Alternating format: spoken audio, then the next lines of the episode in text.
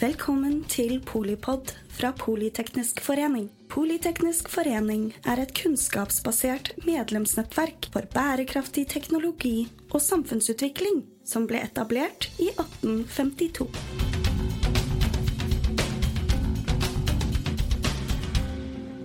Velkommen til eh, Polipod eh, direkte inne fra Arendalsuka med Anne Strømmen Lykke, administrerende i NorSAR. Takk.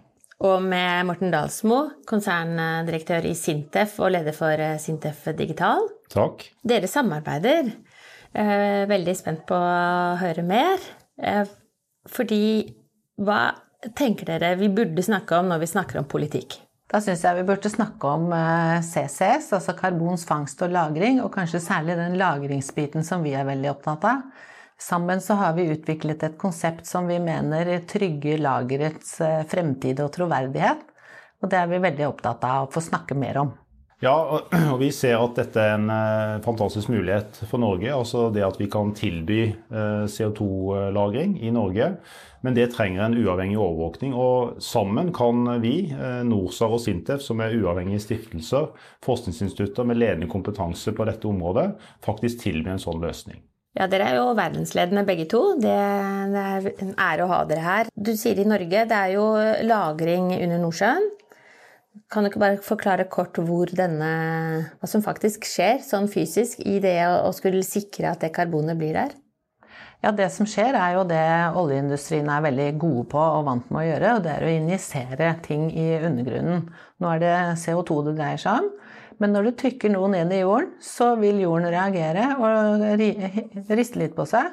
Og det er sånne mikrojordskjelv som er menneskeskapte. Og det ser vi at, eh, at kan da gi eh, forstyrrelser og gi bekymringer. Og da, da kan det reise bekymringer for at lageret enten lekker ut av lisensområdet sitt, at CO2-en vandrer ukjente veier, eller at eh, det lekker opp. Og så er jo sannsynligheten eh, noe man kan diskutere, og er kanskje ganske mm. liten, men vi ser fra andre injeksjonsområder at det med eh, migrasjon, eller at den vandrer av gårde, det skjer. Og det som er spennende med vår teknologi, da, det er at dette kan vi sitte på land og overvåke. Og det er den samme typen teknologi vi bruker for å se kjernefysiske sprengninger i Nord-Korea f.eks. Og da kan vi Eller vanlige jordskjelv. Eller vanlige jordskjelv. Og det som er veldig gøy, eh, det er jo morsomt å fortelle om, det er jo at vi kan se forskjellen på naturlige jordskjelv som kommer i dypet i dette området, eller eh, lagde eh, små eh, skjelv som kommer fra injeksjonen. Eller f.eks. at det synker sammen litt på det nærliggende trollfeltet. Og da tror vi at vi kan tilby en uavhengighet i vurderingene rundt det som gjør at man kan skape trygghet for at dette lageret faktisk er trygt, og at CO2-en blir der. Ja, og, og både si, til å stole på rent fysisk, eh, men det er jo knyttet eh, kommersielle ting. Og, altså det at man eh, da faktisk vet at det er, har en klimaeffekt, at det tas ut av ja, det er det som er poenget. Altså, vi må jo vite at den CO2-en forblir i undergrunnen. Og så er det jo også sånn at uh, Norge har jo brukt uh, sånn ca. 25 milliarder kroner av skattebetalernes penger for å få opp denne nye forretningsmuligheten. Og da er det jo bra å forsikre den siste enden. Det er mye oppmerksomhet på fangst og transport, og kanskje ikke så mye oppmerksomhet på lagring. Men vi i Norstar har ledet et EU-finansiert eh, e prosjekt nå som begynner å komme med resultater også på det med public perception, eller tillit. Og der er det noen signaler fra Europa, og også fra Norge, hvor man er skeptisk til å lagre fremmedes CO2. Eh, fordi man liksom ikke helt vet hvordan dette går. Og da, da, tror vi at dette kan vi hjelpe til med å, å, dokumentere og trygge. Og dermed så trygger man da den investeringen på noen og 20 milliarder kroner. Mm. Og, og, og, ikke minst eh, verdiskaping fremover, da. Ja, verdiskaping fremover, men også det at uh, dette er jo noe mange land driver med nå. sånn at mm. Norge kan faktisk ta en ledende posisjon på den typen, uh, den måten å jobbe på, da. vi har vi... veldig gode forutsetninger på vår sokkel. Vi har veldig gode forutsetninger på vår sokkel. Vi har veldig erfarne eh, oljeselskaper på dette. Og vi har et erfarent eh, miljø i Sintef og Norsar som kan være med å tilby det lille ekstra på toppen som gjør at vår troverdighet også da brukes inn i dette. Både teknologisk og omdømmemessig. Du er jo på digitalsiden, men jo, dere har jo kjempekapasiteter og kompetanse på undergrunnssiden også? Ja, altså I Sintef så, så, sitter vi for bred kompetanse som er relevant, og som er veldig komplementært til den eh, ledende, verdensledende kompetansen en har i NORSAR. Så sammen så har vi en ganske komplett eh, kan du si, eh, kompetanse som, som trengs for å utvikle et sånt system. Og For oss er jo dette viktig, fordi at dette er jo en, en, en, svært viktig samfunnsutfordring som vi skal løse. Det er en viktig del av det grønne skiftet, hvordan vi skal få det til å skje. For her er det en mulighet for industrien i Europa å, lagre sin, å fange CO2 og lagre den CO2-en i Norge. Men da trengs altså en sånn uavhengig overvåkning, og det, det er liksom det som er nøkkelen her. Mm. Og så er det eh Altså, vi snakker mye om hvor eh, når eh, Det er mange ting som skal til for, å, for det grønne skiftet, da. Eh, og så er det mange ting som er veldig langt fram i tid. og, og, vi har et studentnettverk som påpeker at det, det er mange som, som, bare liksom forskyver det over til dem. De er flinke og raske og, og sånn, men, men dette her har vært modnet, denne teknologien har vært modnet og er jo i drift lenge når jeg snakker om karbonfangst og -lagring. Eh, men når kan man eh, vite med sikkerhet at, eh, at den fungerer som den skal? Er det 2030? Er det 2050? Det er i dag. Vi, I dag ja. Norsar er i gang med å ha en pilot på overvåkning av dette området som Northern Light skal lagre i, sånn at vi får en sånn baseline på hvordan jorden oppfører seg av seg selv i det området. Og så kan dermed se forskjellen på hva som skjer når man begynner å injisere. Mm. Vi, og vi leverer sånne, sånne type tjenester både til Utenriksdepartementet i forbindelse med prøvestansavtalen og til en annen operatør på norsk sokkel, og, og jobber også i Canada og USA med denne løsningen. Så det, vi kan eh, begynne, er i gang og kan fortsette å begynne med dette når som helst. Eh, og så trenger vi eh, Sintef da, til å lage den digitale overbygningen som også da kan eh, ta inn andre teknologier eventuelt, ettersom man ser hva som trengs. Og Her kan vi bygge videre på det, det konseptet og den, det monitoreringskonseptet som allerede er tilgjengelig, og som er verdensledende. Og, og, det vi gjør da, det er at vi kan Altså vi har jo tung kompetanse på undergrunn, eksempelvis. Folk som har jobba med reservoarsimulering i tiår, eh, med alle de store oljeselskapene. Eh, og de har nå kompetanse eh, som kan brukes nå til å modellere CO2-lagring. Og Det er veldig spennende også, for her kan vi konvertere kompetanse. Altså, eller Folk som tidligere jobbet med olje og gass, kan nå jobbe med det grønne skiftet. Mm. Og Det er veldig motiverende for våre forskere at de faktisk kan begynne å jobbe med, bruke sin kompetanse på akkurat det. Så vi trenger flere uh, studenter som har lyst til å jobbe med den type problemstilling. Og da kan de komme inn i et miljø der folk er ekstremt gode, og også igjen verdensledende, på et, et område som, som, vi har lange tradisjoner for i Norge. Og så er det den digitale overbygningen òg. Altså det å lage en digital tvilling, en, en, en digital representasjon av dette CO2-lageret, som gjør muligheter for Der vi kobler inn alle målingene fra NORSA og, og, og tilgjengeliggjør dette i sanntid. Mm. Altså det er jo eh, En ting er hva som skjer hos dere to, men det er jo en verdikjede rundt eh, dette også, også på kompetansesiden, da. Vi, vi, elsker jo, eller vi leter jo etter eh, muligheter for å stå på skuldrene av det vi har av, av eh, komparative fortrinn, egentlig, i landet? Det ser vi nå at vi gjør, fordi eh, vi er i ferd med å etablere et eh, fagnettverk rundt Nordsjøen med andre som driver med monitorering av bevegelser av jorden. Og det, og det som er veldig gøy, det er at Norge og vi er langt fremme på dette. Og andre land som skal til med lagring, de ringer til oss og lurer på hvordan vi gjør det, om de kan få være med i det nettverket. Mm. Så vi skal kickoff på det nå om en måneds tid. Og vi ser jo det at eh, Portos prosjekt i Nederland, der kommer det til å være en sånn uavhengig overvåkning. Danskene jobber med det samme. Britene diskuterer det fremdeles. Australia har nå sagt at de anbefaler uavhengig eh, overvåkning av dette. Så vi har god tro på at Norge kommer til å følge etter på den trenden. Mm. Og så har vi tro på at eh, vi faktisk da sammen da kan bygge en en tjeneste eller et konsept som gjør at man kan ha dette europeiske nettverket og bygge best practice, og også ha en eksportartikkel. Mm. Det er jo hele, hele, noe av hele ideen med Langskip. Det er jo å, å, fremme norsk teknologi og norske teknologimiljøer. og få det ut i verden. Og, og, og kjøre raskere da, det grønne skiftet og trygge forretningsmodellene rundt grønne initiativ. Da er jo karbonfangst og -lagring superviktig for Norge. For skal vi løse klimautfordringer, så trenger vi et grønt og digitalt skifte. Og det, samtidig. Det, samtidig. Og, og raskt.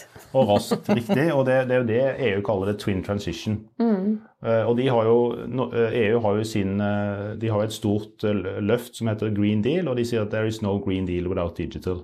Så, så dette er jo også et veldig godt eksempel på det. Og det, det er her Norge kan ta ledende, ledende posisjoner, der vi kan du si, kombinerer tung domenekompetanse. Mm innenfor, eh, innenfor, olje og gass, innenfor undergrunn, innenfor monitorering, med digital ekspertise. Og da kan vi lage noe som er, eh, som er ledende, og som også vi kan eksportere til, til, andre land, eh, og løse en veldig, veldig viktig samfunnsutfordring. Denne skal jo altså Du sier stikkordet andre land. Dette er jo et globalt eh, marked som kommer, og det, og det, går raskere enn man kanskje Selv om det krever litt tålmodighet, og, og vi har jo lagret det på norsk sokkel siden eh, altså i 27 år eller noe sånt. Så det er jo kjent. Eh, men hva tenker dere, hva er det interessant å følge med på for, å, for at ikke vi skal henge etter, da? Eh, det er det ene. Og det andre er jo på en måte litt sånn teknologisk. Hva, hva bør vi følge med på, og i en politisk beslutningssetting? Tenker du er viktigst? Ja, vi, vi, har jo hatt noen interessante samtaler her, på, her i Arendal med eh, politikerne eh, rundt disse tingene.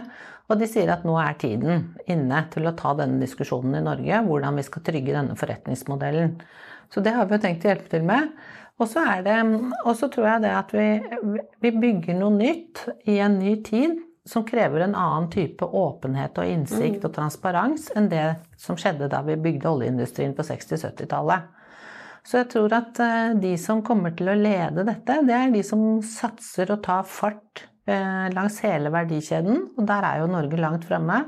Og så må man trygge forretningsmodellen, for vi ser i Europa at det er en god del diskusjon og skepsis, selv om det ser ut som Tyskland kanskje er i ferd med å snu litt, og også Danmark. Men danskene er uh, veldig raske. Mm. Og Nederland Kremmere, har jo kan man vel ja, si. Ja, det kan man si. Uh, og så er det jo Nederland har jo akkurat vedtatt at Portos-prosjektet faktisk skal gjennomføres. Så det er om å gjøre å holde farta oppe.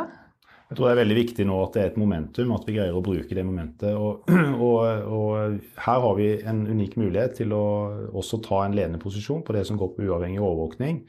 Men vi må ikke sitte og tro at, dette, at ingen andre tenker på det. Så det, det er liksom å bruke det momentet nå til å komme i gang. Og det er det vi nå håper på at, at, at det faktisk vil skje. For ting tar jo tid å få ting til å skje, men nå, nå ser det ut som det kan løsne. Og det, det ser vi frem til. Dere er klare, teknologien er klar, eh, partnerskapet deres er, eh, er verdensledende som Én En ting er at dere sier det, men, men alle andre sier det jo også.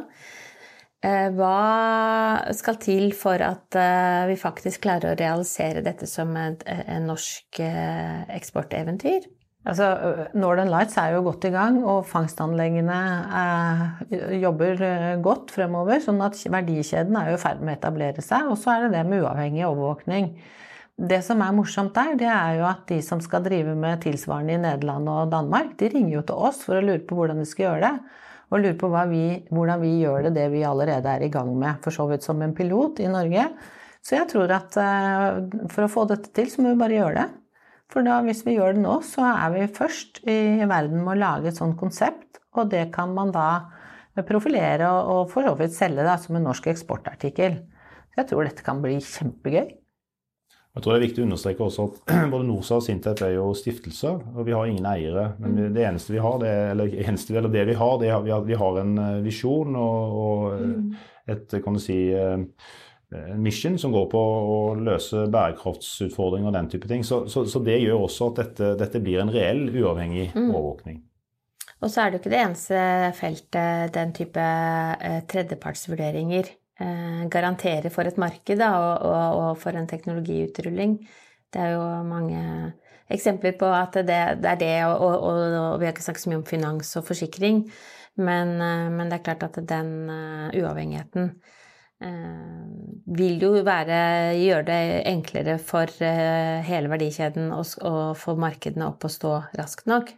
For det brenner jo egentlig eh, for karbonbank og -lagring eh, og få det skalert. Ja, det, det, er kjempeviktig. Og da tror, da tror, vi at det med tillit til løsningen mm. i, i, publikum, det er ganske viktig. Vi bruker utrolig mye skattepenger for å få dette opp å stå, og det kommer nok til å måtte kreve litt offentlig-privat samarbeid på finansieringssiden fremover for å skape markedet. Og vi tror jo dette er viktig for klimaet, viktig for alle, sånn at uh, dette kommer jo til å skje. Og for å trygge dette konseptet, så tror vi at vi har noe unikt å, å tilby. Uh, så vi håper at uh, tiden er inne til å ta denne stafettpinnen videre. Og Det vi kan garantere, er jo, gjennom at vi gjør det som forskningsinstitutter, er jo at det er kunnskapsbasert og forskningsbasert. Mm. Og bygger på liksom the state of the art innenfor de respektive områdene som trengs. Og Det er også viktig å vite tenker jeg, for å skape den tilliten ute i befolkningen. Hva betyr egentlig, altså hva er egentlig en digital tvilling? En digital tvilling er rett og slett en, en eh, digital representasjon av, eh, av, et fenomen eller av et system. Og eh, En digital tvilling tar jo inn målinger fra, fra det systemet, i dette tilfellet et, altså en CO2-lagring. CO2 Eh, og, og, bruker de målingene til å lage en digital representasjon og, og, og synliggjøre hvordan, hvordan står det egentlig til inni dette, inni dette lageret. Så ved å kombinere målinger med modeller, eh, så får en frem et totalbilde eh, som kan brukes til beslutningsstøtte. Så, så, det er en digital tvilling, og det er en teknologi som er i rask utvikling, mm. og som krever at du er i stand til å samle inn data, i dette tilfellet veldig mye data fra NOSAR. Og, og, og, bruke det til, eh, til sanntidsbehandling eh, for å lage modeller som kompletterer målingene, og som gir et enda større eh, totalbilde av det som faktisk skjer i CO2-lageret. Og da må jo det datakvaliteten inn være veldig avgjørende? Datakvaliteten er helt avgjørende, og det er klart at det er jo noe NOSAR vil kunne bidra med. Ja, vi har samlet inn sånne data i 50 år på vegne av Norge. Så vi har Norsk, Norsk nasjonalt datasenter for prøvestansavtalen for atomvåpen. Og det verifikasjon av de dataene og godheten til de dataene er jo omgitt av mange systemer og mye mm. kvalitetskrav. Det er det samme vi tenker å gjøre her. Og det som skjer der rett sånn praktisk, det er jo at man har seismometere stående på land. Det har vi nå i samarbeid med Equinor i, på, um, i Øygarden. Og, og, da registrerer man den minste rystelse i en sektor da, utover i Nordsjøen. Og da kan man se om naturen rører på seg litt i dette lagerområdet. Og man kan se eh, veldig nøyaktig hvor det foregår, hvilket dyp det foregår på. Kan du tenke deg Når vi registrerer atombomber i Nord-Korea, så har vi en usikkerhet på 250-300 meter på den andre siden av jorden. Så når du tar det tilbake, da, når du sitter i Øygarden og ser utover i Nordsjøen, så blir nøyaktigheten veldig, veldig imponerende. Eh, og de dataene kommer jo inn på løpende bånd og går gjennom en automatisk prosessering, og så ser man da om det er eh, små jordskjelv eller rystelser av andre eh, induserte slag, f.eks. Og det kan man da karte, putte inn i en 3D-modell og vite akkurat hvor det er. Dette går, dette går i sanntid. Og så kan en bruke den sanntidsinformasjonen i den digitale tvillingen til også å prediktere hva, det, hva faktisk vil kunne mm. skje. Mm. Mm. Og, og det, er veldig, det, er også en veldig viktig del av den digitale tvillingen. Det er å gi det sanntidsbildet og samle de dataene. Men også det å kunne prediktere hva vil en sånn, en sånn type hendelse faktisk kunne si over tid. Sånn at en eventuelt kan gjøre tiltak eh, knytta til, til, et sånn type fenomen. Mm. Så det er også veldig viktig knytta til den digitale tvilling, altså denne prediksjonsmuligheten. Men det krever gode modeller i tillegg til eh, kvalitetssikrede målinger. Mm. Og, og, det siste er jo faktisk, vil jeg tro, også viktig for eh, tilliten. Og, altså, en ting er liksom oss alle, men uh, kanskje spesielt fra finansmarkedene og forsikringsselskapene og sånn, at uh, at man eh, kan forutsi mer, og at man har mer kjent med, med risikobildet og kan avlaste eh, riktigere. Så det er, eh, det er samtid, og det er fremtid. Mm. Ja. Hvem av dere er hva? Ja. jeg tror jeg er sanntid. altså, ja, definitivt. Og, og, men altså, dette, uten disse målingene så, jo, så, jo, så, så, faller jo konseptet sammen. Men det er det, vi, det, er det som gjør oss komplementære. At, at, eh, vi har målingene, eh, og så har vi modelleringen som i sum gir et bedre bilde av hva som faktisk er situasjonen, både i sanntid og i fremtid. Og så skal vi ikke la dere hvile til neste år, men uh, vi må jo få en status uh, i Arendal neste år. Jeg håper at vi kan gå litt inn på teknologien gjennom året også, få enda mer liksom, kjøtt på beinet der. Uh, men er det sannsynlig? Kan jeg invitere dere tilbake med noen resultater om et år? Ja, veldig gjerne. Vi jobber jo i dette Ensure-prosjektet sammen med Shell og Total bl.a. for å komme frem til gode løsninger på hvordan du kostnadseffektivt gjør dette, disse tingene. Mm. Eh, og da vil jo også publikumsundersøkelsen på tillit være helt ferdig. Så det snakker vi veldig gjerne om. Og Vi vil stå på videre. og så er det jo litt avhengig av hvor langt vi kommer med konseptet. Det vil jo være avhengig også av hva slags finansiering som kommer tilgjengelig i løpet av det mm. året. Men uansett så kommer vi til å stå på videre, for dette er noe vi tror på, og dette er viktig for å løse de store klimautfordringene fremover. Tusen takk, Morten Dalsmo, konserndirektør i Sintef, leder av Sintef Digital. Tusen takk, Anne Strømmen Lykke, daglig leder i NorSAR. Lykke til, begge to. Det blir spennende både teknologisk, eh, samfunnsmessig og ikke minst eh, for eh, klima for oss alle. Takk til deg som hører på Polipod, når det passer deg, og hvor det passer deg. Takk for at du lyttet til Polipod fra Politeknisk forening. Få med deg flere episoder, eller bli med på nettverksmøtene, som du finner ved å søke at polyteknisk eller gå på vår hjemmeside polyteknisk.no.